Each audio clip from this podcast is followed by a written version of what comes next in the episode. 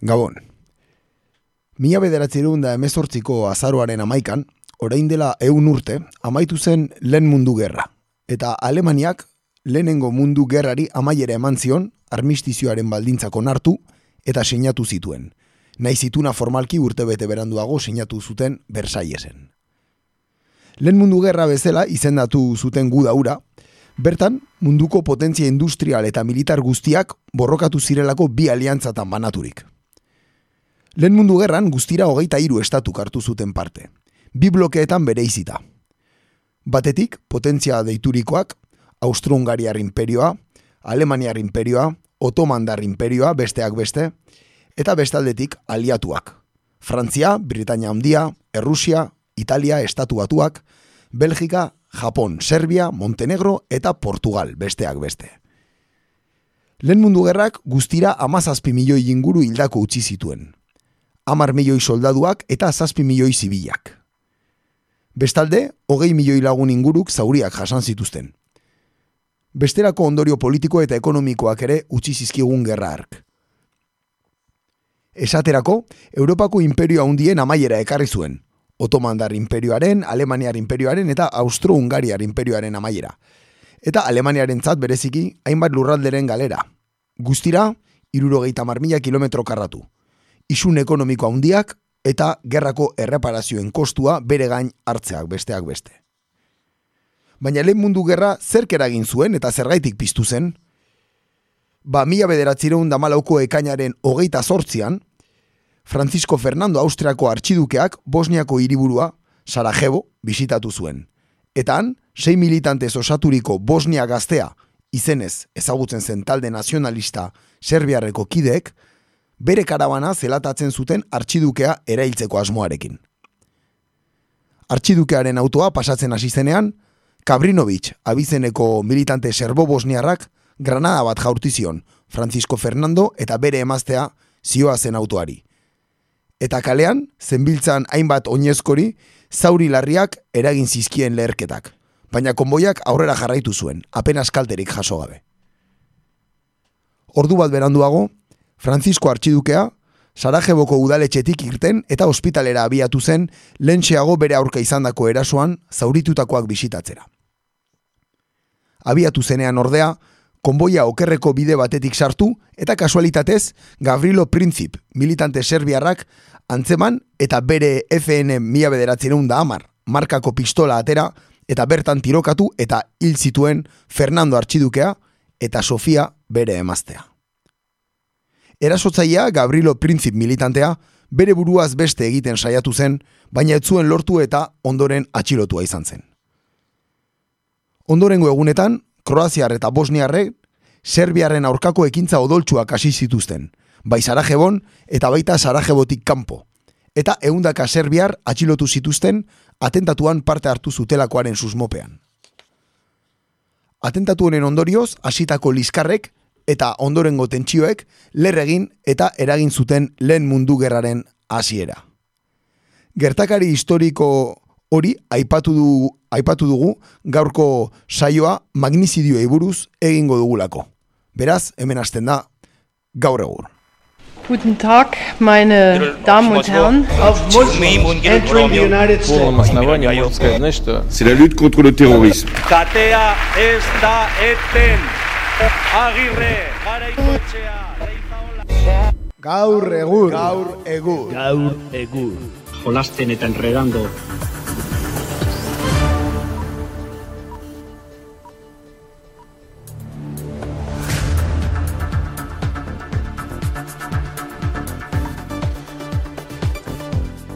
Kaixo entzule, hemen gaituzue berriz ere astero bezala gaur egurren eta gaurkoan egur handia partitzeko pres magnizidioi buruz hitz egin behar dugulako, eh? irratsaio berezia, magnizidioi eskenia historian zehar izan direnei eta ba ongi etorri bioi ez dizuetela ezer esan Kaixo, gabon guztioi, bai, gaboi, ene, entzule maitea. Kaixo, Gabon. eta ba horixe e, magnizidioi buruz hitz egingo dugula eta hasi aurretik ba lehenengo bertako magnizidioak edo aipatuko ditu gero nazioarteko batzuk. Eta hori baino lehen ba Twitterren galdera bat bidaltzen dugu. E, batzutan humorezkoa, beste batzuetan hain humoretsua ez dena, e, gogoratu ezazue, datorre ui aurreko astean, e, bidali genuen galdera izan zela, ea kake minuesa kazetari edo adar jotzaile ultraeskuindar hori nora bidaliko zenuketen e, korrespontxalanak egitera, Eta, bueno, ba, irabazi duena Marianetako itxaso bia izan da. Epa, epa, epa, eh? komentatu zara horrek azten kinielatan zeon, eh? Amaika mila metrora, eh, urazpian, antxe gustora egin dezake inutilarena, eh, kake minuesa honek, eh, uneko geta mairuarekin. Ondoren bigarren eh, berdin duta Afganistan eta Marte, beran batzuk eh, ba, bozkatzaien laurdenak Martera e, Marte zapaltzen duen lehen gizaki akake minuesa izatea nahi zuen, benetan e, ore arraroa akake minusarena. Hai, atmosferatik at bidali nahi zuten, ez da? Bai, oxigeno hori botellari gabe seguruen. Eta azken lekuan egon gelitu da Ipar Korea. Norrak ez du nahi, e, dirudien ez, ekin jo nun ekin e, kake minuesa ikusi. Agian, ez, e, parre pixka bat oraindik egin nahi dugulako, eta ez, Biziroten ikusi Eta kin jonunekin ez zaio tokatuko algara gehiagi. Horre dago bromarik. E, bueno, ba, gaurkoan galdera serio xoagoa, esan bezala magnizidioi buruz egingo dugu eta bidaltzen dugun galdera hause da. Zein uste duzu izan dela magnizidio gehien bultzatu dituen herrialdea. Zeren dakizuenez magnizidio batzuk herri barnean gertatzen den galtazkagatik dira, baina beste batzuetan ba, imperio desberdinek e, bidalitako emisarioek egindako magnizidioak izaten dira. Orduan ba, ea, zeinek egindako, zein izan dene, ba, gehien bultzatu dituena magnizidio hauek, e, lehenengo postuan Amerikako estatu batua daukagu, noski. Ondoren Kuba jarri dugu, ondoren Frantzia eta azkenik Venezuela. Ez ba, bi demokrazia bezala ezagutzen diren estatu, ez? E, zeo zer esaterren, eta diktadura ezkertiar bezala e, kontsideratzen dituenak masmediak, Kuba eta Venezuela, baina gure entzula izeinek irutzen, zein irutzen zaien dela, ba, kanpo injerentzia gehien egiten dituena magnizidio erara, ezta? Ba, hortxe, bidalita Twitterra, eta nahi dezuenean, erantzun, aste osoa daukazue, datorren astelen erarte, erantzuteko. Eta, behin, tuita bidalita, ba, bertan gaurrekin hasiko gara, ba, bertako genozidio batzu, ui magnizidio batzuei buruz hitz egiteko.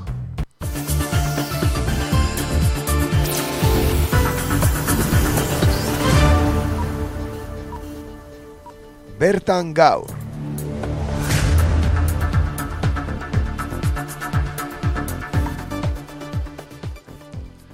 Sánchez hiltzen saiatzea egotzita, gizon bat atxilotu zuten mosoek. Espainiako presidente Pedro Sánchezen aurkako hilketa saiatzea egotzita, irurogeita iru urteko gizon bat atxilotu zuten mozuek iraian, eta kartzelan da gerostik. Suzko amasei arma atzeman zizkioten etxean poliziek, tartean zehaztasun handiko errifleak eta submetraiadore bat.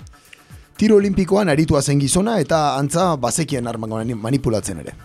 Poliziaren ustetan, Sánchezen aurka jotzeko asmoa zuen gizonak, Espainiako presidenteak Franco diktadoaren gorpua erioen aranetik atera nahi duela eta. Espainiaren alde sakrifikatzeko preste egoela zioen gizonak WhatsAppeko talde batean eta asmori agertu zuen behin baino gehiagotan. Talde horretako beste erabiltzailea zen eta boxeko militantea den pertsona batek, ojo, eman zuen eh, abisua polizian, Esan Franco tiradorea u Rubiko azken alkate frankistaren semea dela. Bai, alako zura, alako espala, ez da. Hori da. eta bueno, ba, badiru ez dutela gainera Madrian epaituko, ez? Badiru di Katalunian epaituko dutela, ez bai da terrorismo. Bai, ez dute terrorismo hartu, ez da, amasei, ba, arma izan, ez? Suzko arma, bai, zu ametralladore bat, errifleak eta bar. Baina, bueno, ez, ez omen da terrorismo hartzen hau, eh? Ba, benetan harri garria.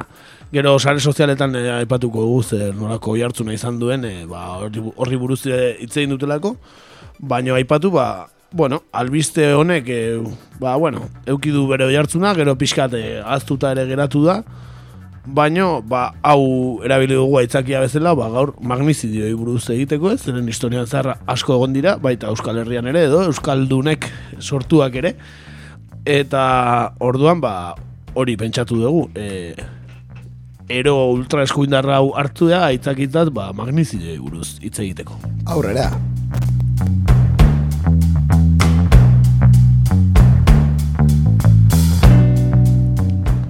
Eta jarraian, ba, magnizidioak gure artean. Azteko eta ben, Espainiar estatuak badu magnizidio historia loparoa.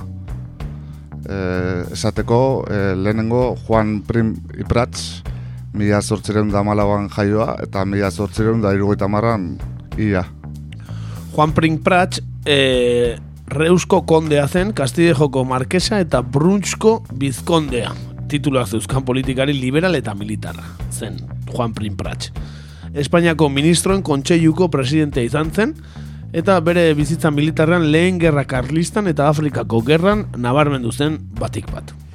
Mia zortzireun da irurogeita marreko abenduaren hogeita zazpian, bere zaldiz tiratutako kotxean, ohiko bidea egin zioala, beste bi gurdik bidea oztopatu eta hiru lagunez osaturiko talde batek tirokatu egin zuen.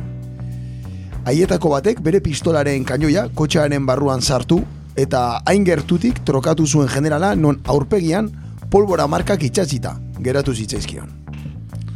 Primin generala, mila zortzireun eta irugaita marreko abenduaren ogeita, mar, ogeita marrean hil zen, hiru egun lehenago jasandako atentatuaren ondorioz.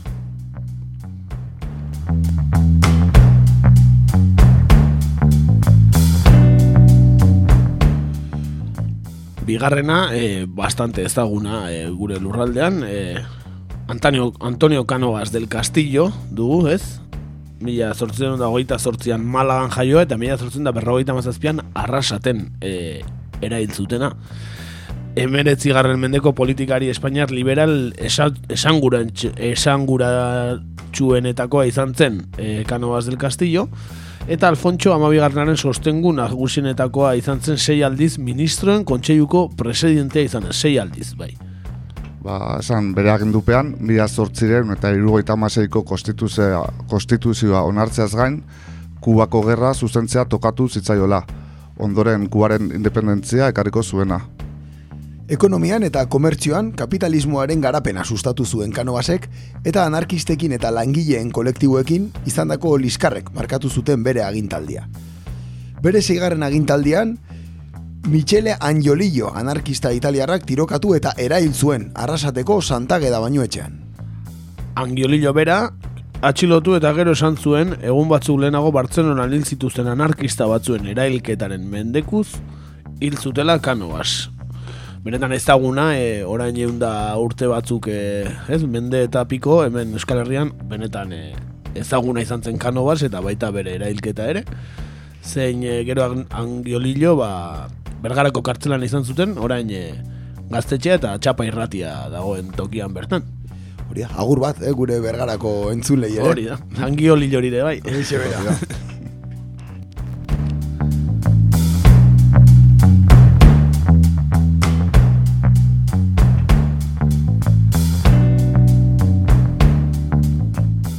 Bai, jarraian eraildako beste presente batekin jarraituko dugu.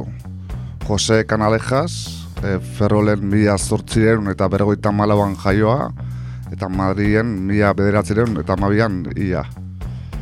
Maria Cristina Habsburgokoaren erregealdian, ministerio ia guztietatik pasa ondoren, bai garapena, justizia, hazienda, industria, nekazeritza, komertzio eta lan publikoen ministerioak besteak beste, eta ondoren Alfonso Amairugarrenaren agintepean, ministroen kontseiluko presidente izatera iritsi zen. Presidente kargoa zuen mila bederatzerun damabian, Manuel Pardiñas Serrano, militante anarkistak pistolaz tirokatu eta hil zuenean. Ondoren bere buruaz beste egin zuen Manuel Pardiñasek. Hilketa honen ondorio, zerbitzu polizialek Dirección General de la Seguridad deiturikoa sortu zuten.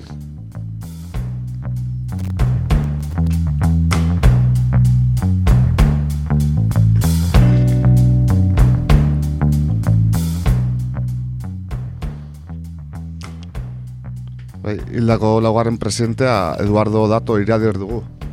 Akoru, Akorunean mila zortziren eta bergoita maseian jaio eta Madrien mila bedatziren da goita batean ia. E, politikari kontserbadorea zen, gobernazio ministro izandakoa Maria Cristina Absurgokoaren agintaldian. eta ministroen kontseiluko presidentea eta diputatuen kongresuko presidentea Alfonso Amerugarrenaren agintaldian. Madrilgo alkateare izan zen denbora batez. Eduardo Datoren ama, Rosa Lorenza Iradier, Euskalduna zen, arabarra zuzen ere. Bera, presidente zen garaian, sindikatuen eta patronalen arteko ezin ikusi, ezin ikusia haundia eta gaindi ezina zen. Datok errepresioaren bidez zapaldu nahi izan zituen aurkariak eta poliziak hainbat errebelde hil zituen inongo epairi gabe bere aginduz. Eta horrek, anarkisten premiazko objetibo bilakatu zuen Eduardo Dato. Mila bederatzeren eta goite bateko martxoaren zortzian, Sidekar moto batean martxan zioa zela tirokatu eta erail, erail zuten hiru militante anarkistek. Mauser C. Larogeita masei markako pistola batekin. Presidenteari hogei tiro baina gehiago jaurtiz. Motorrean, eh?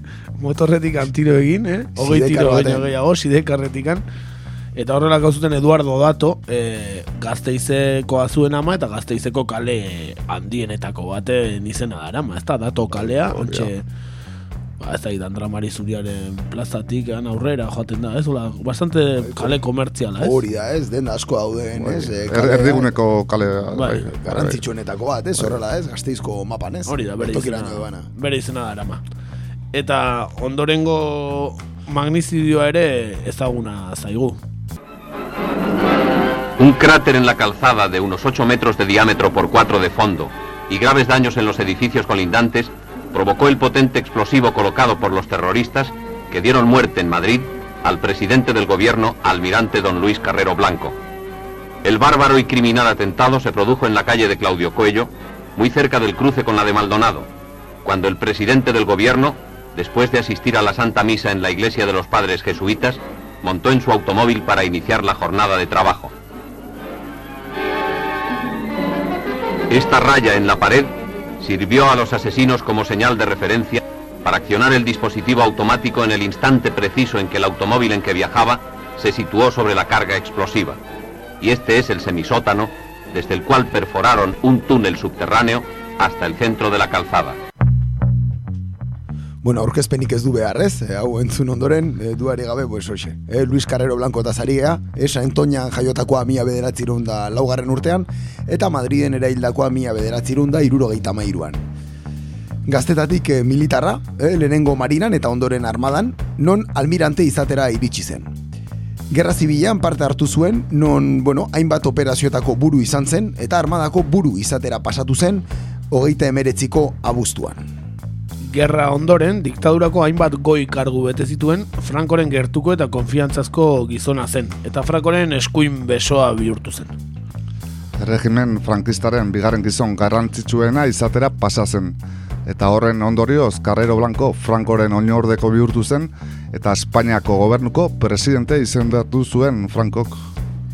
Mila bederatzerun da irurogeita mairuko abenduaren hogeian, Operazio Nogro izenez ezagutzen den ekintza burutu zuenetak, etaren komando txikia delakoak e, burutu zuen operazioa eta karreroren autoa lertarazi zuten eskutuan erekitako tunel batean jarritako lehergaiuz prestaturiko atentatu ikusgarri baten bidez.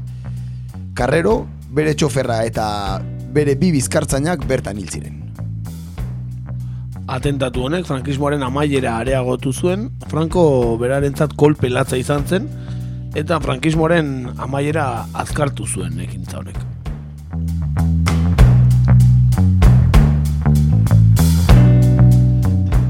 Bueno, gogorarazi, orain dikan ere, erailketa honek e, jendea e, paitegietara eramaten duela, ez? E, sare sozialetan txisteak egiteagatik, ba, nola, egan egin zuen, ez? Nola, bueno, ba, txiste ezberdina daude, nola lehenengo kosmonauta espainolra izan zela, eta hau arde, zilargira iristen lehena, eta bueno, hainbat txiste daude, ezta? Bai, badago sorta bat, ezta? Liburu bat iazteko moduko txisteak, e, badaude, ezta? Bai. E, bueno, ez ikusitakoa, ba, ez dira gutxi izan, ez? Magnizidioak, ez, e, gure, gure artean, eta ez dira gutxi izan, e, Euskaldunak tarten euki dituztenak, ez? Mm Bai, bai, eta e, aipatu behar da, aipatu ditugu nia gehienak anarkistek e, eragindako magnizioak izan direla, ez? Eta Espainiar estatuan, ba, nahiko ohikoa dela e, presidenteak akatzea, ez? Bai, bai. Eta eta orain honetan ba, ez, ez dingo dugu esan, esan saiakera bat izan denik ez, zeren, bueno, sare sozialetan idatzi duen e, ba, fascista bat izan da, zeinak e, ba, bazituen e, suzko armak, baina beno, hortikan e, benetako magnizidio intento bat izan denikan ere ezingo dugu esan oraindik ez. Ez, egia esan ezin da, ez ezin zaio, ez, rango hori atribuitu, baina egia da ere ez, e, kasu honetan bere, bueno, ba, bere izaera ultra eskuindarrak desente libratu duela, ez, orokorrean, e, ba, bueno, bombo mediatikoa, edo, bueno, e, demagun gauza bereina gertatzen dela, ba, bueno, ez, e, ezkerre, ez, muturreko, ez, pertsona batek eginda, dudarik ez dakat pertsona hau audientzi nazionalean epaituko zutela eta eta bombo askoz gehiago dukiko zuela. Bai, bai, noski, ez dakitena da, e, lizentzia zeukan amasei arma horiek izateko? Nahiko zalantzan dago ze gero entzundan ez e, arma desente trafikatuta zituen. Bai, osea, beragia modifikatuta eta hori ez da legala, hau da, naiz eta lizentzia eduki hori ezin da egin, ez? Eta gero mota guztitako komentzitun, bueno, mosoek ez e, argazki bat kaleratu zuten, inkautatutako argazki tipiko hietako bat, eta bertan denetarik agertzen zen, eh? Bai, bai, bai, bai, arsenal, arsenal handia ikusen zen bai. Bai, bai, bai, bai denetarik eh, omen zeukan. Eh, bai, bai, olimpia tiroa praktikatzen zuen ere bai, ez? Eta, bai. bueno, ez dakigu ze WhatsApp talde zen hori, baina bo, boxeko militante bat ere tartean zeukan eh, WhatsApp talde hori ez da zein zen, pentsatzen dut, ba, agian behar, e, uste zuela talde hortan konfiantza osoa zegoela, ba, eta igual batzuk e, lagunduko ziotela aurrera eramaten, ez? Era hilketa hau, ez? Oi, suposatzen da, ez? Ba, hor babesa bilatu zuela, gero moskortuta zegoela e, esan omentzuen epaiaren aurrean, eta bueno, ba, bera pixkat hori txuleatzeko egin zuela, ez? Ba, WhatsAppean idaztearen kontu guzti hori, baina, bueno, mm. klasikoa da, ez? Esan baita ere komunikabide ultraeskuindarretatik asko lehundu dutela, ez, historia guztia, ez, eta eta bastante goraipatu ere. Bai, goraipatu eta eta garrantzia kendu eta bai. Bueno, benetan e, ikustekoa izan dela eta ultraeskuinaren barne gero sare sozialetan ikusiko dugu, baino Rosa Diez bezalako pertsonak ere bastante justifikatu edo garrantzia kendu diote gai guzti honi. Bai, bai, badirudi incluso Carlos Herrera, ez, kazetari famatuak, ez, e, bere programan hori, ba, txantxak egiten egon zala honen inguruan, eta e, berak esaten zuela magnicidio, esto no llega ni a magnicidio, ez? No, Sánchez hola, ez? E, Pedro Sánchez pixkat, ba, e, relevantzia kentzekotan edo, ez? Ba, eta Jiménez Los Santos, eta Abarrek ere, bueno, Eduardo Inda, eta hoi denak, bueno, Ba, dirudi, ba hori, esan duguna, anarkista bat balitz, ez? E, historian izan ditugun kasu hauena bezalako anarkista bat balitz, ba, seguru aski, ba, estera batean tratatuko lukete, bai, ultraeskuindar horiek, eta baita progresista doazen beste Espainiar kate batzuk ere dudari gabe, ez, eta konklusioa da magnizidio baten inguruko txiste bat egitea garazoak suposatzen dituela, baina magnizidio bat saiatzea, ez, ultrasko indarra izanik, ba, ba ez daukala, ez, kontsekuentzia berdina, badirudi, badirudi. Bai, bai, e, hau asko, e, kontsekuentzia latzagoak dauzka, e, rapeatuz, e, e, errege baten eriotza nahi izatea, e, presidente baten eriotza planeatzea baino. Kuriosoa, ez? Bai, bizia, bai, bai. bueno, hemen biziga eta badakigu, ez? Nolakoa dago mundu hemen, ez da? Aipagarriare bai Pedro Sánchez e, boterera eritsidan etikan, e, beti egotzi izan zaiola edo, e, Kennedyren antza izan nahi izan duela, hor, e, presidente izan da seitun hartu zuen abioi bat, eta harra jasetzen lanean betaurreko, eguzkitago betaurreko handi batzukin, eta bazegon antzeko argazki bat Kennedyrena, bere garaikoa, eta barrez, bueno, ba, badirudi, Kennedyren antzekotasun gehiago bilatzen o ateratzen ari dela, ez? Eh, Pedro Sánchezen inguruan, ez? Honen ondoren ez dut uste deskapotable hartuko duenik, eh? Nik ere ez, eta talasetik egin bueltarik ez dut uste mango duenik. ez dut pentsatzen, ez dut pentsatzen. Egia da, eh? Ba, ezu, agian, eh, eh, ba, orain eh, daukan, eh, bueno, asesorea edo politiko asesorea oso azti biltzen dela Pedro Sánchezena, ez? E, zentsura mozio guztia tare esate dute beraie, berak planeatu zuela donostiar bat, e, ez da nola dan, redondo edo... Bai, bai, horre, ez, e, bauka, ez, e, marketing, ez, enpresa bat, e, donostino, ez? O... Bai, eta, bueno, esate dute nahiko abila dala kontu hauetan, e, jakizu, agian, e, dana berak planteatutako e, gezur bat izango da, ez? E, boto gehiago irabazteko Kennedyren antzekotasun gehiago lortzeko, ez? Zein daki? Nor daki. Bai, agian Oswald bat dugu beste frankotiradori hori. Bai, bai, Oswald Espainiarra, eh? Izan liteke. Izan liteke, baina, bueno, e, ikusita garai hauetan e, nola dabiltzan ultra eskuindarrak, ba, ez da eskartatzekoa benetako, e, e, benetako kasua izatea, ez da?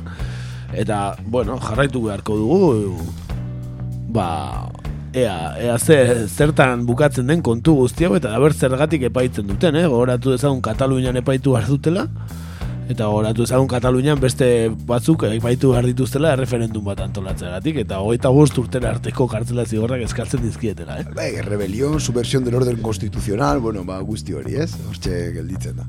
Ba, ikusi beharko dugu. Izena nola, nola zaukan? E, ba, ukagu? Gizo, ez, ez daka, ez dago, ez daka hemen eskura, baina, bueno, eh, deituko diogu Elia Harbi Oswald de Rubi, vale? Eh? Hora, Bai. jarri, eh? Rubiko Rubiko Oswald. Bai. Fra Franco, oi, frankista garaiko, ez? E, azken alkatearen semea zena, eh? Hori da. Bai. Azte hori da argazkiak bai korrikan ibiltzen zala. eta- Maratoietan, eta... Eta ez zuela eh, inoiz bozkatu, hori ere esan zuen, eh? Ah, bai, eh? Txirutako, jo no he votado nunca. Vale, vale, lasai. Bueno, boxeko entalden zeon behintzat, eh? Eh, bakarri izango da, bozkatu ez zuena. bai, En bai. fin. Bueno, ez Franco garaien ez mozkatzen da horregatik. Izango bera, da. ez? E, bueno, ba, tartetxo bat hartuko dugu nazioartean egon diren beste magnizidio handi batzu eta hitz egin baino lehen. Hori, aipatu ditugu Espainia arrestatuan egon diren e, presidente ezberdinak e, nola erail zituzten. E, Euskal Herrian bat, Canovas, eta Euskaldunek egindakoa beste bat, Carrero Blanco. Eta ba, gero nazioarteko batzuk ere hitze, ida, aipatuko ditugu, baina lehenago ba, tartetxo bat hartzeko abesti bat ekarri dugu. Eta zein ba, Defcon dosen magnicidio, ez? Armas pal pueblo diskoko magnicidio, ba, nola ez, magnicidio eta zari garen ez, ba, magnicidio abesti ekarri dugu. Beraz, ba entzun ezagun Defcon dosen magnicidio.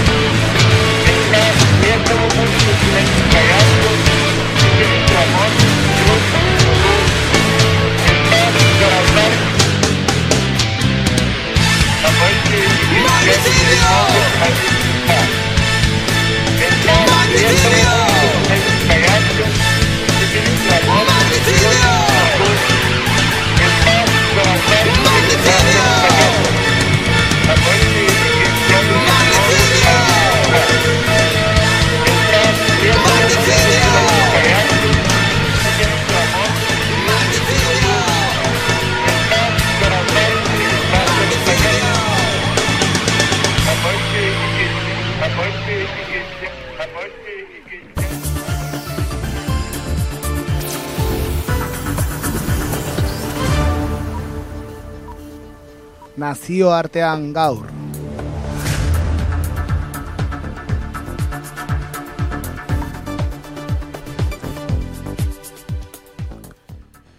Bueno, ba, esan bezala, bai, gaurkon ere ba, gure nazioarteko tartean, eh, magnizidioen aferari helduko diogu, eh, badagolako zer kontatu, bai. Eh, bueno, garai guztietan, eh, gertatu dira horrelakoak, eta guztiak aipatzea oso zaila den arren, ba, bueno, alik eta oberen egiten saiatuko gara.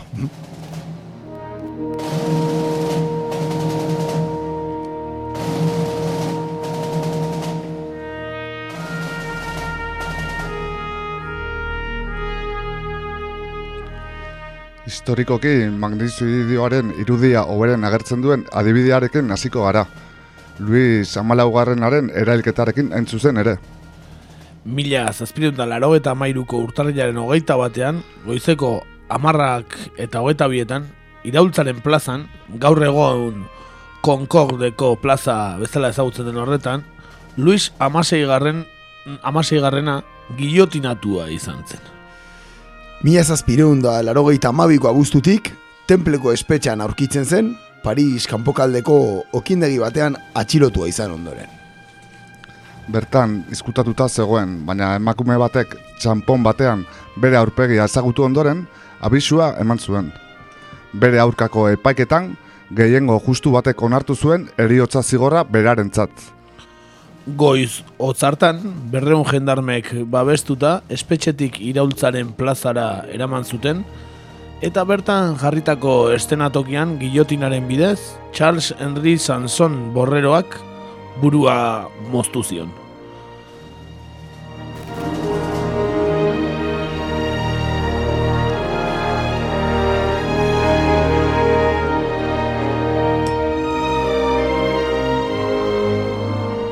Berari eta bere emazteari ez?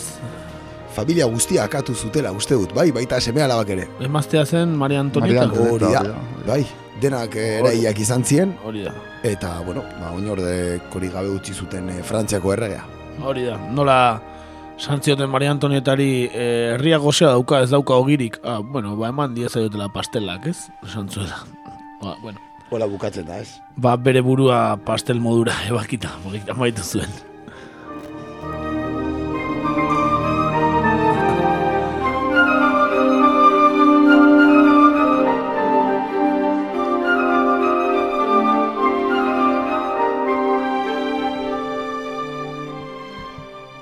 Era modernora etorrita, e, ez ziren gutxi izan, hogei garren mendean gertatutako magnizidioak erez. Oihartzun historiko eta politiko gehien izan zutenen artean, dago Salvador Allende, Txileko presidentearena. Allende, mila bederatziren eta irurogeita mairuko iraiaren amaikan hil zuten Santiagon dagoen Lamonedako jauregi presidentzialean. Mila behatzireun da irurogeita marretik zen Txileko presidente Allende eta bertan sozialismorantz txiletar bidea martxan jarri zuen botere esekutibotik hainbat legezko neurri erabiliz. Iraiaren amaikan, estatu kolpea eman zuen armadak karabineroen sostenguarekin. Eta la monedako jauregia bombardeatu ondoren, haiendek bere buruaz beste egin edo eraia izan otezen ez da inoiz guztiz argitu. Augusto Pinochet ugarteren agindupean, amazazpi urte irango zituen ultraskuneko diktadura militarista bat hasi zen orduan.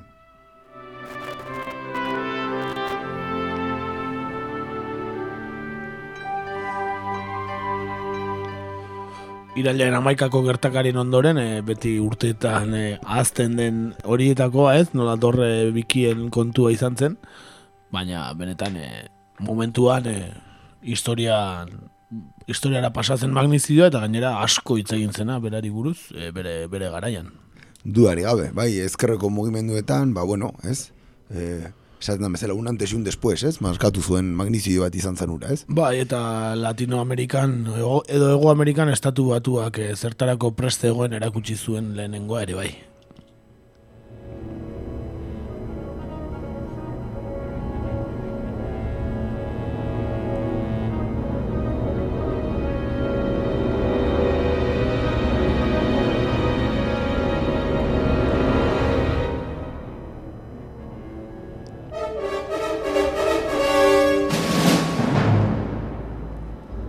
Zein ote da urrengo hildakoa.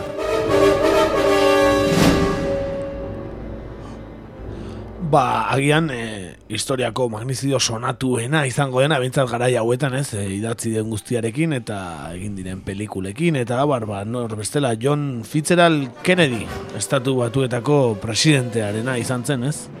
Duari gabe, bai, mila bederatzi irun da irurogeita iruko azaruaren hogeita bian, Dallasen auto deskapotable batean e, zijoala tirokatua izan zen eta ordu bete geroago hiltzen eragindako zaurien ondorioz. Kennedy irurogeita bateko irailetik zen presidente, eta bere ekimen esanguratsuenen artean daude, Iraken orkestaturiko estatu kolpea, Biennango geraren jarraipena, edo Kuban, Baia de Kotxino zen saiatutako inbazioaren porrota. Bere erailketaren gatik, e, atxilotutako pertsona bakarra, lehen aipatu dugun e, Lee Harvey Oswald izan zen, baina gertaerak izan eta bi egunetara, bera ere eraila izan zen espetxera zera matenean. Warren txostenaren arabera, Lee Harvey Oswald otxo solitario baten moduan aritu zen, baina berak ukatu egin zuen presidentea erail izana. Urteekin, Kennedy ziako burua oizandoko Allen Dulles sek antolaturiko trama baten biktima izan zelaren hipotesiak indarra irabazi du.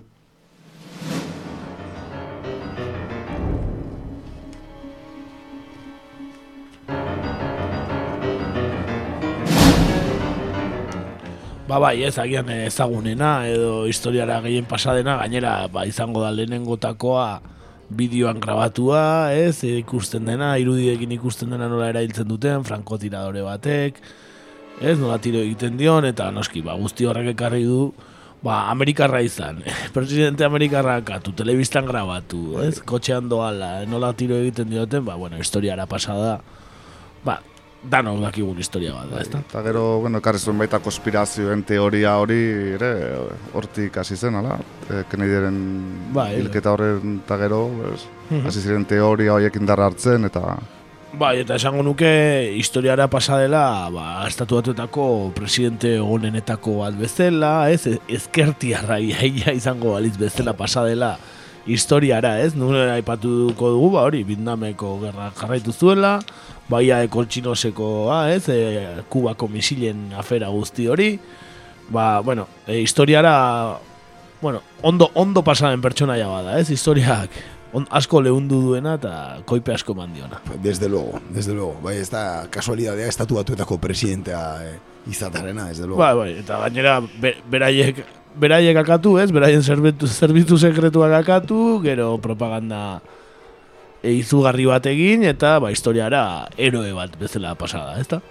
Hala da, eta gero esan barra dago bere familiko beste hainbat kide ere, ez? E, uste dut bere, ez? E, Bai, bere anaia, da, eh, anaia ere eraila izan zen. Bai, bere anaiare, bai, bai. Robert Kennedy. Robert Kennedy, gero bere iloba bat ere, uste Bai, dut bai. eraila izan zela. Eta Ba, beste a- bat... abioien ero izan, beste. bai, bai, fa, bai, familiak bauzkain bat eh, tragedia kontu, hanbez, eh, episodio tragiko Mhm. edo. Bai, bai, bai, nahiko I- familia... Irlandar familia, ez? Irlandar Bai, jatorrikoa, bai. eta Bueno, dago- esate zuten mafiarekin ere tratu ugari zituzten familia bat zela, eta bar, eta bar. Haiek mafia bera ez baziren. eh? Bai, hori da, hori da. Bai, Alkohol kontrabando garaietan eta jakin behar, nuntze biltzan nahi denak. Nora daki. E, kuriosia de moduan esatea estatu batuek izan duten presidente katoliko bakarra izan da. E, JFK. Aha. Bai. Irlandar jatorri hori, ba, Hori da, hori da. Whiskia edaten ere abila izango zen. Dudik ez izan eta Guinnessa ere.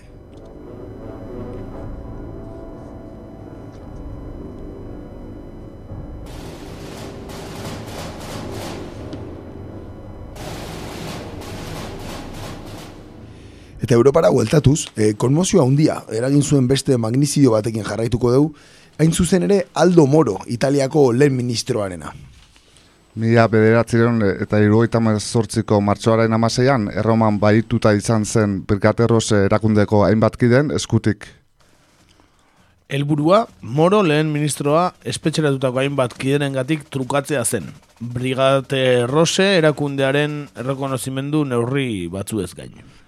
Aldo Moro demokrata kristauen liderra zen eta bere baiketaren momentuan Italiako alderdi komunistarekin itun bat sinatu berri zuen terrorismoaren aurkako batasun nazionala deitu zena lortuz.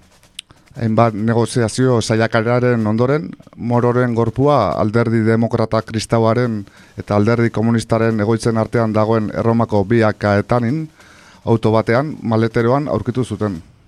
Hau ere, honetaz ez dituzte beste pelikula egin, baina benetan eh, pelikula egiteko historia, eh? Duare gabe, eta ez, bideoan grabatu izan zen bere argazkiak ere, ez, kaleratu ziren baituta zegoen, e, ba, bueno, une horretan, eta bueno, jartzun oso handia izan zuen. Eta gero nola agertu zen, gorpu, ez da? Duare gabe, ez, bi egoitzen arteko, ez, kale horretan, eta egia da hori, ez, e, Italiako eskerreko mugimenduan ere, ba bueno, ez? Bai, austura handi bat ekarri zuen, ala. Handia, handia, bai, bai, zalantzari gabe.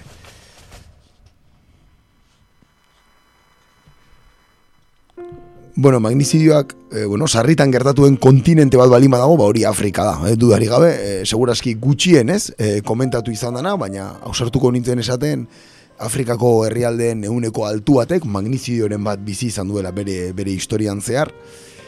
E, bertan, larogeita zazpiko urriaren amabostean Tomas Sankara, Burkina Fasoko presidentea erail zuten bere aurkako estatu kolpe baten ondoren. Sankara, mila bederatzen eta larogeita lauan iritsi zen boterera, eta bere herrialdea eraldatu zuen urte gutxietan. Bertako lurrak eta baliabide natural guztiak estatalizatu egin zituen, eta bere herrialdean nazioarteko dirufuntsaren influentzia gutxitzeko izan zen hau. Nekazaritzan autosufizientzia eta herrialde guztian zehar alfabetizazio eta txerto masibuak bultzatu zituen. Desertifikazioari aurre egiteko, amar milioi zuaitz landatzea agindu zuen, baina baita ere emakumeen aldeko hainbat neurri. Poligamia, mutilazio genitalak edo behartutako eskontzak debekatu egin zituen sankarak.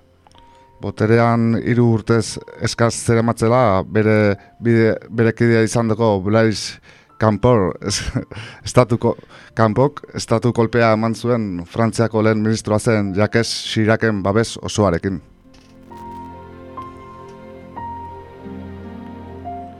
Ez da kasualidadea lehen Twitterren galdetu degunean e, estatu batuak eta Frantzia horregotea, zeren e, Frantziak e, Afrikan asko eta asko bultzatu ditu horrelakoak. Bai, areta gehiago, esango nuke ez dala egon magnizidiorik, ez? E, Afrikar lurraldean Frantziaren parte hartzea, ez? Modu baten edo bestean izan ez duenik, ez? Agian e, azkena oroitu dezakeguna Afrikar e, kontinentean horrelako magnizidioa e, Gaddafirena izan daiteke. Bai, eta kasualidadea frantsesek akatu zuten. Bai, bueno, akatu, akatu bueno. bideoa zegoen ere bai, eta e, Libiarrak edo ote ziren. Bai. Baina, bueno, mogimendu guztia eta eta ez ba, nola erasotu zuten airez eta bar Libia, ba, e, frantsesak izan ziren. Bai, hor, e, gainera, bueno, nahiko polemika handia egon zen, ez? Sarkoziren oso gertuko azelako, eta bere kanpaina presidenzialean, bueno, diruz desente lagundu omentzuelako, e, afer judizial bat egon zan horren inguruan, eta, eta bueno, ba, horren bueltan Sarkozik bere baliabide guztiak bere akatzeko jarri zituen, ez? Bai, laguna zena etxai bihurtu zuen eh, egun batetik bestera, ezta? Hori da, Lepetxi Nikola. Bai, bai, e, e, Espainian ere egon zen aznarren garaian, ez? Edo zapateroren garaian ez ez akordatzen. Aznarrekin izan zituen, bai, harremanak, aznarren gobertunarekin, goratzen naiz bere jaima horretan. Hori da. Nola jartzen zen Madrien... E... Bai. Monkloan, ez? Bai, Monkloako, bai, hori da. Bai. Bai. bere jaima tuare gortan, handia, eta bere bere guardia pertsonala dana emakume osatu da, ez? Akordatzen naiz? Bai, bai, bai, bai, nahiko, ez? Irudi bitxiak ziren eh, haiek, bai. Muammar Gaddafirenak, bai.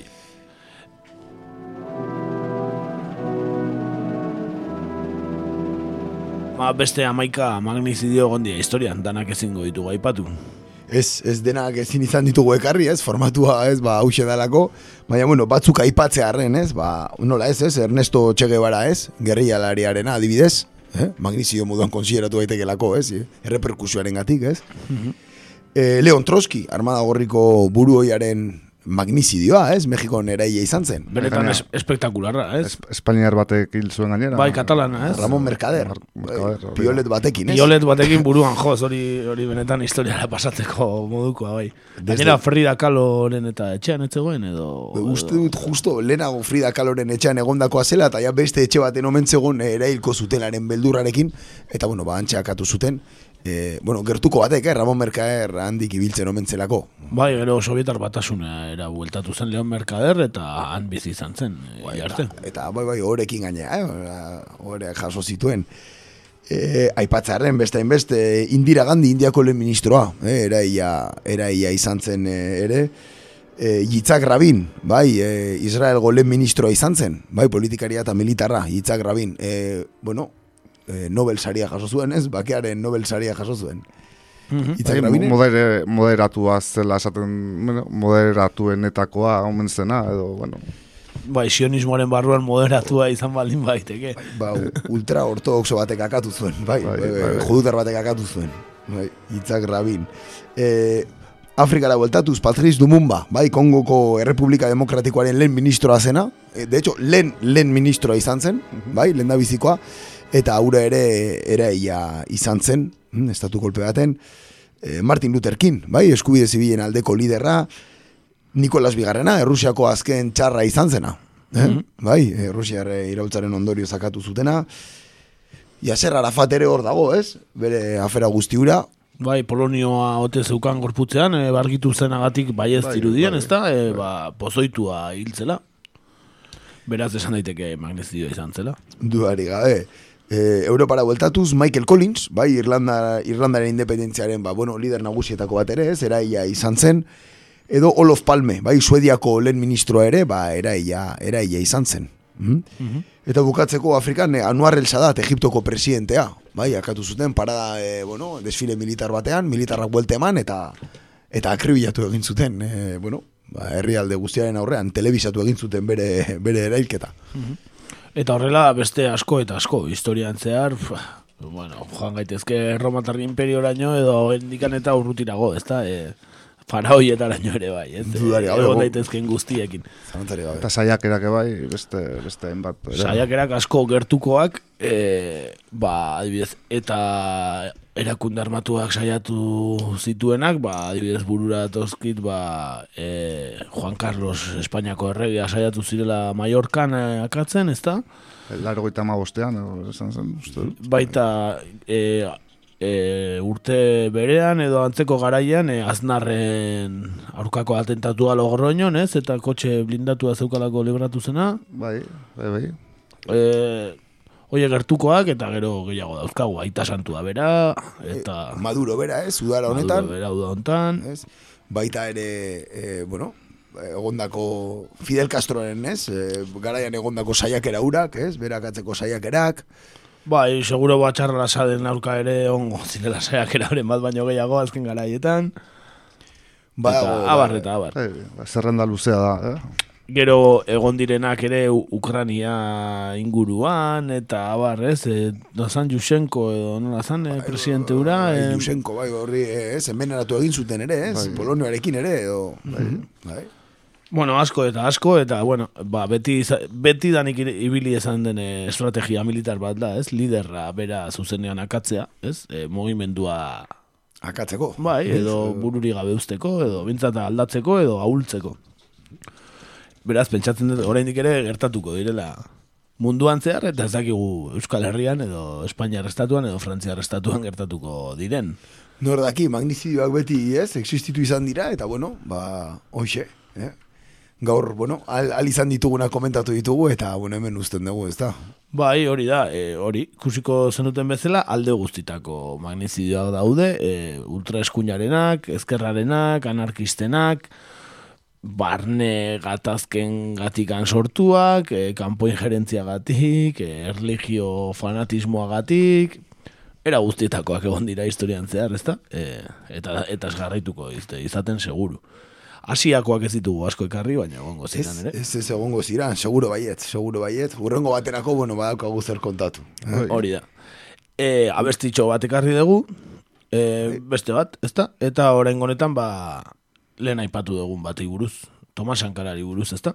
Hori da, bai, e, tiken ja fakoli, bai, e, bueno, Kosta de Marfileko ba, abeslari honen eskutik, bai, bere, bere, bueno, e, azken kaleratu duen azken abestietako bat, eh? deitzen da txumatxue, bai, akatu, akatu egin, akatu nindu zure edo, esan nahi duena. Bai, mm bai hori da, tiken jafakoli rege abeslari ba, mundu mailan ezaguna dena, ba, bueno, ba, bere abestia ekarri dugu. Beraz, beraiek nutziko zaituztu. Tiken ja, samskan le ja, Afrique d'une jeunesse qui s'assume. Là où s'abat le découragement, c'est de là que s'élève la victoire des persévérants. Thomas Sankara. Tu m'as tué, tu m'as tué, tu m'as tué, tu m'as tué. Quand tu as assassiné Thomas Sankara, tu m'as tué. Quand tu as emprisonné Modibo Keita, tu m'as tué. As sacrifié Kwame Nkrumah, tu m'as tué. Quand tu as assassiné Patrice Lumumba, tu m'as tué.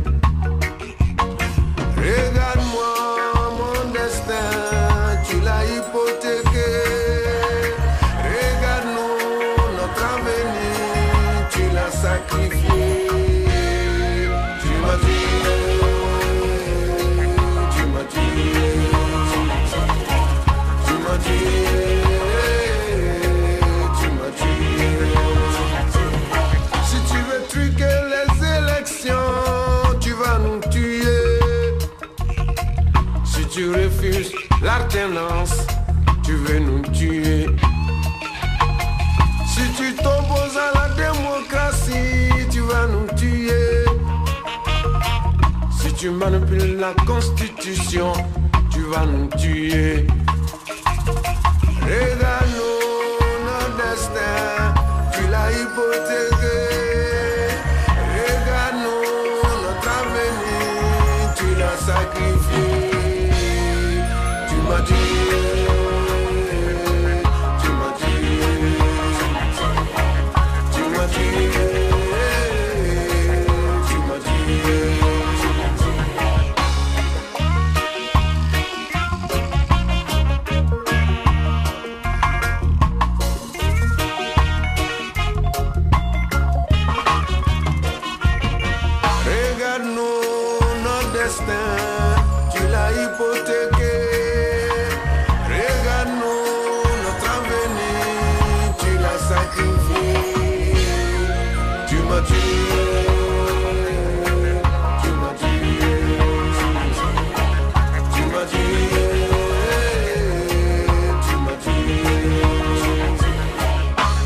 Les héritiers de Sankara ont grandi.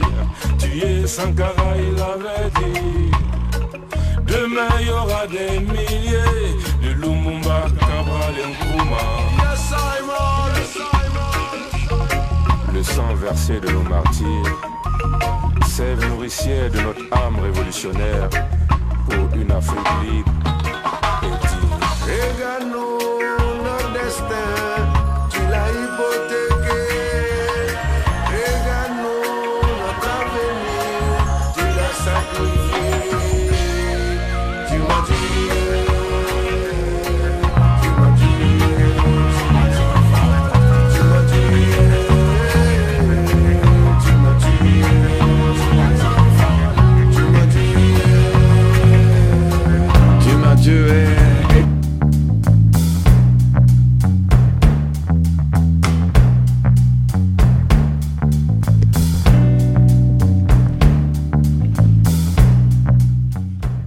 Beno, eta aurrera jarraituz, ba, sare sozialekin joan aurretik, ba, aste honetan beteko diren e, efemeride batzuk aipatuko ditugu.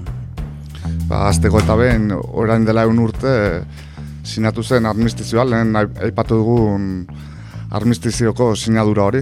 Bai, eta atzo bertan Frantzian, e, egon ziren e, Donald Trump, e, Macron, Merkel, Pedro Sánchez... Marruekoseko erregea. Bai, bai, pilo bat. E, Zeari, bai, ez, ben, Benjamin Netanyahu bai, irututzean zegoela baita. Seguraski, Ze, bai, ba, ba, ba, seguraski oso Frantzian jaieguna da, berez, eta, bueno, polemika desente egon da, ez, Macronek e, Filipe Tainen gorazarre egin duelako modu batean, ze gogora ezagun lehenengo mundu gerran, e, bere izan zela, ez, Frantziako askatzaietako bat, eta ondoren, ba, bueno, naziekin kolaboratu zuen, eta amar, amarnaga mila pertsona deportatu zituela, ez, e, Bai, bai, eta tartean judutarrak eta atzo antzegoen Benjamin Netanyahu adibidez. kuriosoa guzti hori, eh? Oso kuriosoa guzti hori. Bai, hori da, armistizioa, ba, egun urte lehen gerra mundiala amaitu zela, ez?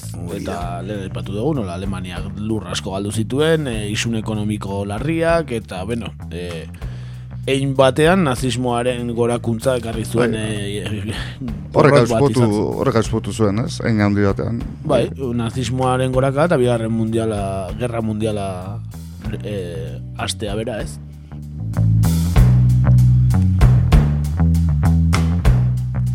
Eta 2000 eta lauko azaroanen amaikan, e, Yasir Arafat, bai, politika, e, politiko palestinoa, e, hil egin zen, komentatu bezala, e, ba, bueno, ez, e, pozoindu zutelaren e, hipotesia ba, beti hor dago, ez, nahiko relevantea bihurtu, ez, investigazio hortan. Bai, ala ere ja bazuzkan e, bere urteak, ezta? Ba, sartuta zegoen, bai, bai, dudari gabe.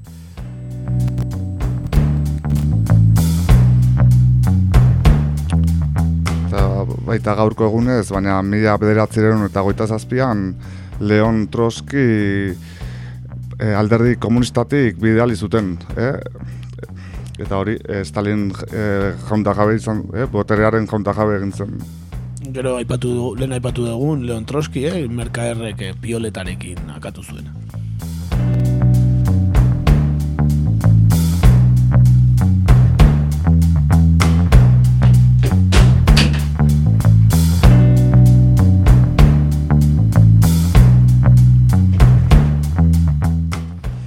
Eta 2000 eta biko azaroaren amairuan, bai, e, ba bueno, e, Galizien, bai, e, prestixaren istripua gertatu zen eta gogora ezagun, ba, irurogeita mazazpi mila tonela da txapapote utzi zituela, bai, e, ba bueno, kantabriko, kantabri itxaso osoko kostetan.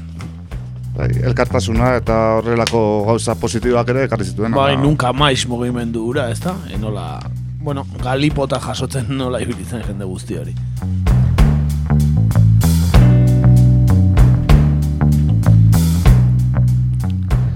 Eta baita mila bederatzeren eta emezortzian, Tomas Massarik izendatu zuten Txekosloviako, Txekoslovia, Txekoslovakiako lehen presidente bezala. Eta izan zen, ba, Imperio Austro-Hungararen ondoren lehen aldiz ezagri zela errepublika hori, eta lehen presidentea.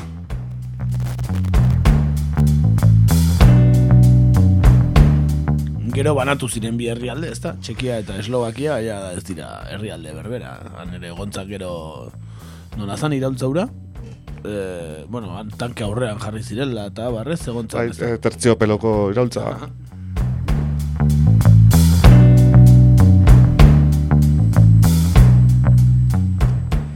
Eta mila bederatzerun hogei garen urten, bai, azaroaren amabostean, ba, Ginebran lehen aldiz, e, Sociedad de Naciones bezala, ez, ezagutzu, ezagutu zen erakundea bildu zen, eta ba, hau, e, onuren, ba, bueno, aitzindaria izan zen. Bai, nazio batuen erakundean aintzindaria, eh? bueno, benetan efemeride bikaina, ospatzekoa. Duare gabe.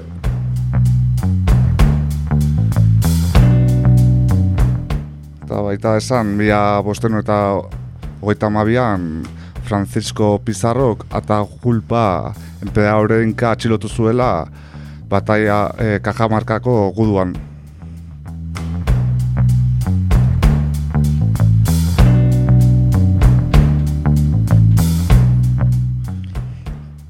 Eta mila bederatzerun da berrogeita bosgaren urtean, Londresen UNESCO erakundea e, bueno, sortu zen, e, bueno, ba, nazio batuek sortu zuten e, edukaziorako, zientziarako, kulturarako eta komuni, komunikazioetako ba, erakunde espezializatu moduan.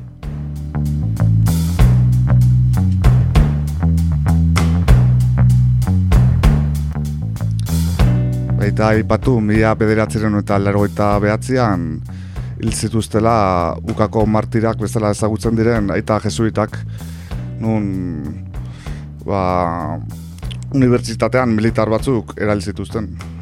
Hm? Beste langile batzuekin batera, eh? eta hori eh, tartean eiakuria euskalduna eta bueno, bai, badago hor eh, Bauk Euskal Herriak ere tartea. Bai, horre teologia de la liberación delakoa, eta, bueno, bai, badau gauza interesgarririk horre. Ba, gorrere mamia irratsaio baterako. Ai, etorriko da, ez da?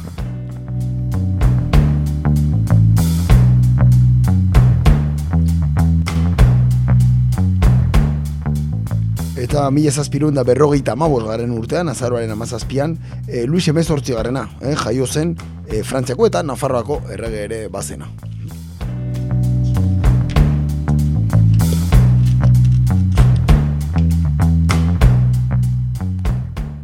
Eta baita ipatu, lehen e, komentatu dugun bezala, mila behatzen da largoita behatzean, hasi zela terciopelo, revoluzion de terciopelo delako hori, Txekoslovakian. Eta hori, izan zen e, ikasleen e, protesta handi bat, e, non tankek e, zapaldu zuten. Eta gero, ba, bi herrialdea banatu ziren, eta, bueno, sovietar batasunaren ja azkenak ziren hartan, ezta? Horri buruz ere egin daiteke irratsaio bat egunen batean. Ba, hortxe aste hontako efemerideak, eh, beti diogun bezala azkeneko asteetan, ba, urrian eta azaroan eta ba, gauza asko gertatu izan dira historian zehar, eta horrela karzkigu efemeride txoiek, eta orain, ba, sare sozialetara egingo du salto, lehenik eta behin e, kuñatxoa entzun da.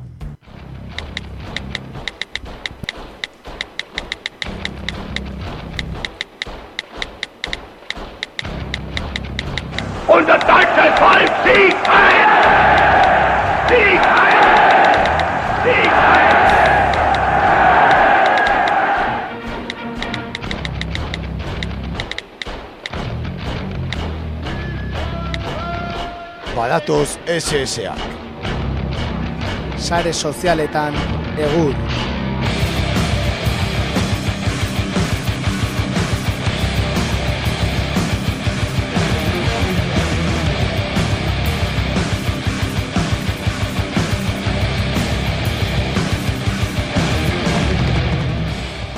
Ba, sare sozialek eh, eman dute zer esana, aste honetan ere, dudari gabe. Eta, ba, izpide izan dugun eh, magnizidio saiakera horri heldu aurretik, eh, Pedro Sánchez eh, saiakera, edo, bueno, saiakera edo desio, edo, ez, armak zituen eh, ultraeskuindar baten kontu guzti honek eman duenaz, E, aipatu aurretik, e, ba, ba, sare sozialetan egon den beste batzuek aipatzearen, ba, nola aurreko astean Twitterren e, galdetu genuen kake minue sanora bidaliko ote zenuten korrespoltxan lanetan, ba, Santi Leonek ere aste honetan idatzi du horri buruz, eta hausi bakarri jarri du.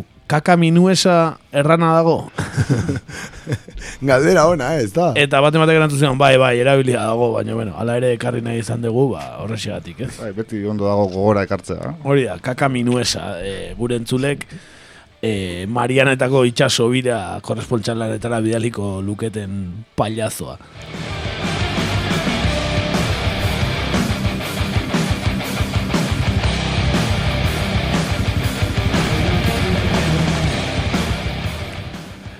Beste gai bat ere ekarri nahi izan dugu, zeren ez dugu aztu nahi e, orantxe epaiketan daudela de Miguel kasuan ere.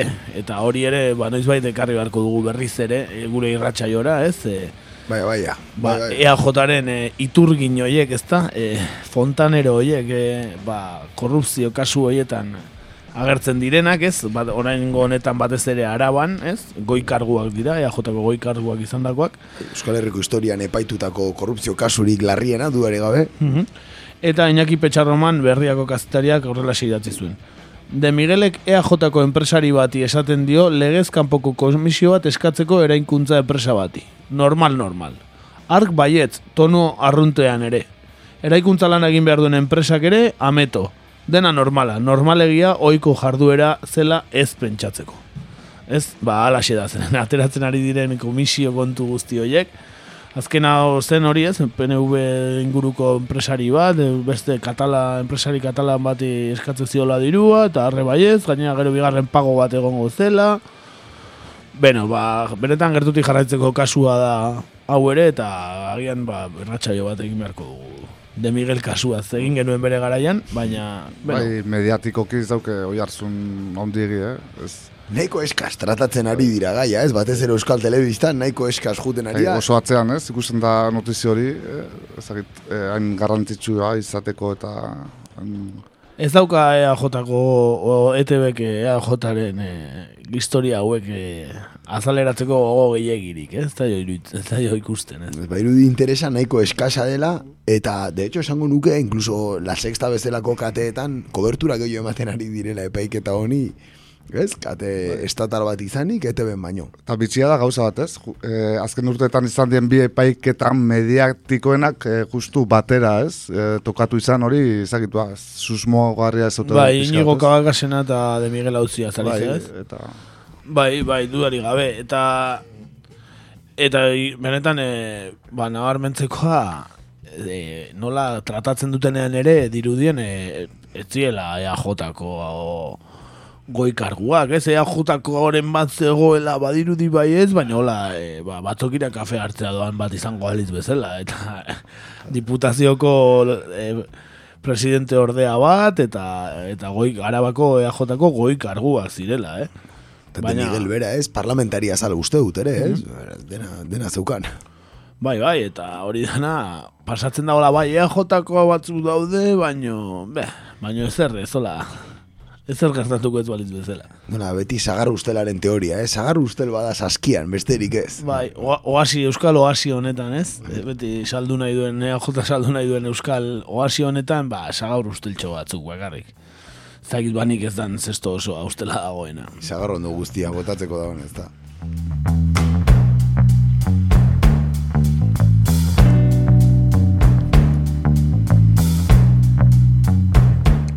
Beno, eta goazen ba, e, magnizidio kasu honi buruz hitz egitera, e, ba, bueno, hautsak arrotu dituen gaia izan da, sare sozialetan, ba hori batzuk aurpegi atera diote, beste batzuk garrantziak kendu diote, beste batzuk txisteak egin dituzte, baino bentsat inorrez du indiferente utzi, sare sozialetan, eta ba, horietako bat e, Rosa Diez izan da, ez, e, polemika sortu zuena, e, gero ezabatu zuen tweet bategatik. Eta adibidez e, Mongolia revistak e, retuiteatu zuen eta bazaukan kaptura. Eta horrela segidatzi zion, Rosa Díez minimizando a un francotirador de ultraderecha porque total, a quien iba a matar era Pedro Sánchez y tampoco se pierde mucho. ¿Eh, Rosa? Eta Rosa Diezek hause idatzi zuen gero ezabatu zuen tuit horretan hause zan hitzez hitz idatzi zuena. Detenido un vigilante de seguridad sin antecedentes que dijo en un chat que quería matar a Sánchez. Un mes en prisión preventiva. Hori esaten du. Ez du esaten ultraeskuindarra, ez frankismo garaiko alkate baten semea zenik, ez amasei arma zituela, batzuk eh, manipulatuta, Jakingo balu hemen DVD batengatik lau urte egondako ere existitzen diela. Eh?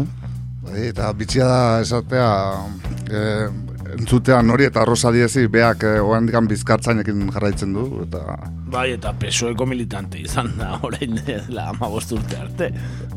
ez dakit zeri eukiko dion beldurra, ez? Hor, kuriosoa dia Ba, gauza. badirudi ultra eskuindarra diren otxo solitario hauei ez diela beldurrik, hori seguru.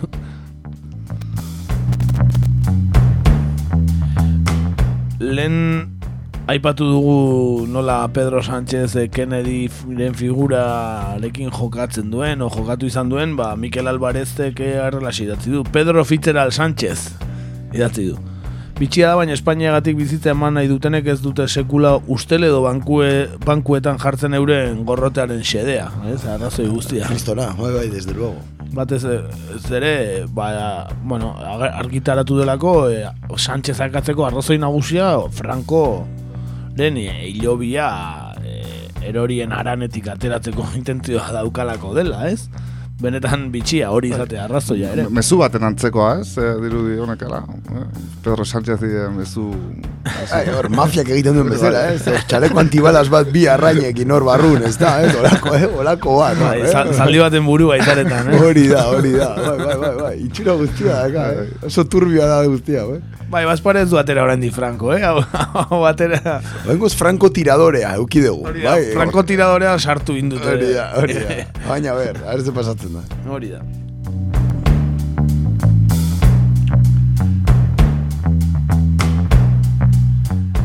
Eta adibidez txoman, txomin diezek aipatu du nola eskuin muturreko e, komunikabidek erabili duten e, ba hori, txisterako gogoa eta garrantziak entzekoa eta bar eta adibidez hola idatzi du Federico Los Santos y Eduardo Inda se burlan del francotirador que quería matar a Pedro Sánchez Dicen que es un pobre hombre, que estas armas las tenía para jugar el día de Reyes. Se puede ser más gilipollas, esaten du. Eta guk ere ekarri dugu, ba, Jiménez Los Santosen e, audio zatitxo bat, e, ba hori, armei garrantziak entzen, esaten, ba edo zein, iztarik dituela horrelako armak, entzun dezagun e, ultra eskuindar fascistaren kazetari. Edo zen iztarik, eh, bitxia. Nazkagarria, entzun dezagun. Eh, los Mossos de Escuadra 16 armas de fuego, incluidos rifles de alta precisión. Pues insultos bueno, pero eso cualquier cazador de los que van, por ejemplo, a los montes universales a cazar ciervos, corzos, gamos y jabalíes, puede tener una colección de armas. ¿Sí? ¿Y cuál era el plan? ¿En qué viaje? ¿Dónde se hacía? Ba, hortxe, ¿eh? ¿En qué viaje? ¿Cuándo se hacía? Eh? Cual- cualquier cazador que va por ahí tiene una... ¿eh? Bai, hemen pagotxetan eta ikuste ditugu. Bai. Bai, hori da. Ba, rifles de precisión, bueno, da, vamos. Bai, bai, hemen, hemen edozein aste burutan ikusi dezakegu horrelako jendea, eh? Kontu zibili daitezela, aberratxilotu behar dituzten. Pagotxeta- Aber zidatzi behar duten WhatsApp taldeetan, eh? Pagotxetako Mazarrel Sharif, eh, deitzen diote hor, eh? Ni baiz pare iztarien WhatsApp taldean ez naiz egon behar. Baz pare, abertze gertatu behar da nor, baz pare ez gara hor sartuko. Nik galdera daukat, eh, kaka minuesa errana dago. Bai. Eta Jimenez Los Santos errena dago. Bai, ustez baietz, ala, ala diote, ala diote, bai. Esaten dute ez dagoela umore honeko errenik, ez dakit. Hau bintzat ez. Hola esaten da.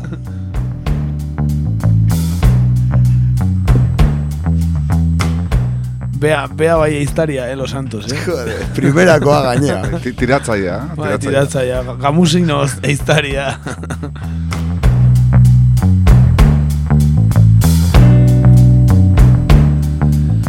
Beno, eta azkena daukagu, eh, honi buruz, ba, baita ere, ba hori, azlen asko konparatu duelako Espainiar justizia, ez? Batzuk terrorismoa terrorismoa gatikan ez norla ezin duten hau epaitu, ez? Beste batzuk epaitu dituztenean. Adibidez, Joan Baldobi dela eh, Valentziako ez? komunidadeko ba, lehendakari ordea edo da, ez? Usted, eh, kompromisekoan. Ala se idatzi du, la Audiencia Nacional no considera terrorista al francotirador con 16 armas que querría asesinar a Pedro Sánchez porque las amenazas no rimaban. Oso ona, eh, oso ona, eh? Bai, bai, bai, fin ibili da hor. Bai, zeren, hori, ba hori, adibidez, ba, nola baltonik bera, ez, e, Belgikan dagoen, ez, e, ies egin da, e, bestela, ba, urteak kartelan pasa behar zituelako, bere abestien gatik. Bai, aurrekon kazetari batek, bueno, ja, anekdota moduan, eh? kazetari batek galdetu zion, hor, ¿por qué estás en Bélgica? Eta erantzun zion, ba, era tan malo rapeando que decidieron mandarme aquí. Hor, hola, erantzun zion, hor, eta hola, que gauzan, hor, kazetaria nahiko deskolokauta gelditu zan, eta gero ja, egia esan zion, ez? Hori gaixoa hortxe da, hola, ez? Eh, Letra batzuk idaztearren, ez? Eta, bueno, eixe. Bai, hala da, hala da. Beno, ba, hauek eh, sare sozialetik eh, berreskuratu ditugun eh, kontutxo batzuk. Besterik eh, baldin baukazue, ba, hemen txe amaituko dugu. Sare sozialeta zari garenez, gogoratu gure inkesta hortxe daukazuela aste osorako bozkatzeko eta jada bost pertsona bozkatu dutela azken eh, ordu honetan, eh? Ei, ei, ei, ei. Eta nola doa kontua? Ba, esango dizuet Venezuelak eta Kubak euneko zero. Eh, ez duela inorrek pentsatzen eh, magnizidio gehien bultzatu dituen herrialdeak Kuba edo Venezuela denik. Baina Frantzia eta Amerikako estatu batuaken artean eh, hortxe daude. Euneko irurogeia eta euneko berrogeia. Edozein momentutan eman diezaioke vuelta Frantziak. Duari gabe, duari gabe. Ez dakizuena da, guk irratsaioan porra iten degula, bakoitza baten alde, eta gero, e, ba, urrengo tragoa, ba, ba galtzen duena, e, ordaintzen duela, así que...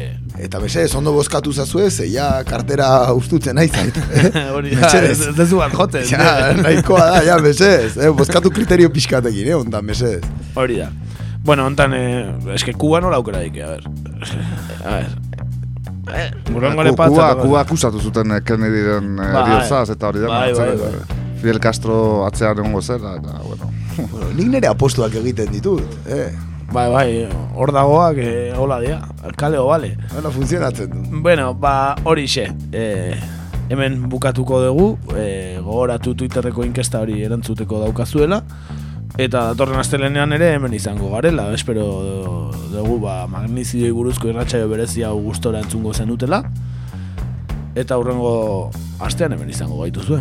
Hoixe bera, bai, esan dako aurrengo astelenean entzungo gara, eta bitartean gaiztok izan. Hori da, amaitzeko abestitxo bat ekarri dugu, ba, lehen ere aipatu dugu Salvador Allende eta Txileko estatu kolpea, Pinochetek eta militarre jotakoa, ba, bertan ere akatu zuten e, abeslaria handi bat, Victor Jara, eh, e, Santiagoko futbol estadioan bertan e, torturatu eta akatu zutena, magnizidio modura ere iaia katalogatu dezakegu, ez benetan mundu mailan ezaguna zen artista bat zen.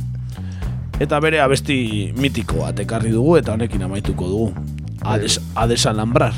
Bai, bortizki torturatu eta Bai, bai. jipoitu zuten. Hori da, eta Hil- bertan, hilarte, bai. eta bertan hil zuten futbol estadioan, orain bere izena daraman futbol estadioan. Ja, eskuak moztu zizkioten, mingaina ere moztu zioten, bueno, ba, basakeri bat. Benetan ikaragarria, ba, bueno, ba, gogoratu dezagun Victor Jara ere, eta hemen bere abestiarekin e, agur esango dizuegu, urrengo astera arte. Aio, gaiztok izan. Aste hona pasa.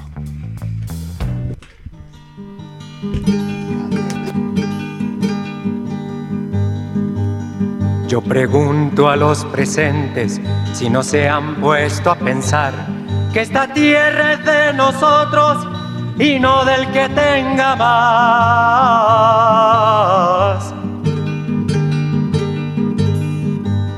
Yo pregunto si en la tierra nunca habrá pensado usted que si las manos son nuestras, es nuestro lo que nos dé. A desalambrar, a desalambrar, que la tierra es nuestra, es tuya y de aquel, de Pedro y María, de Juan y José.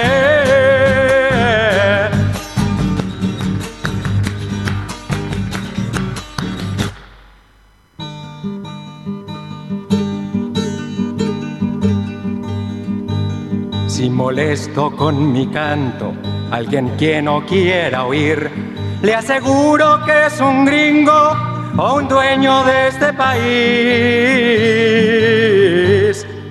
A desalambrar, a desalambrar, que la tierra es nuestra, es tuya y de aquel, de Pedro y María, de Juan y José. A desalambrar, a desalambrar, que la tierra es nuestra, es tuya y de aquel, de Pedro y María, de Juan y José.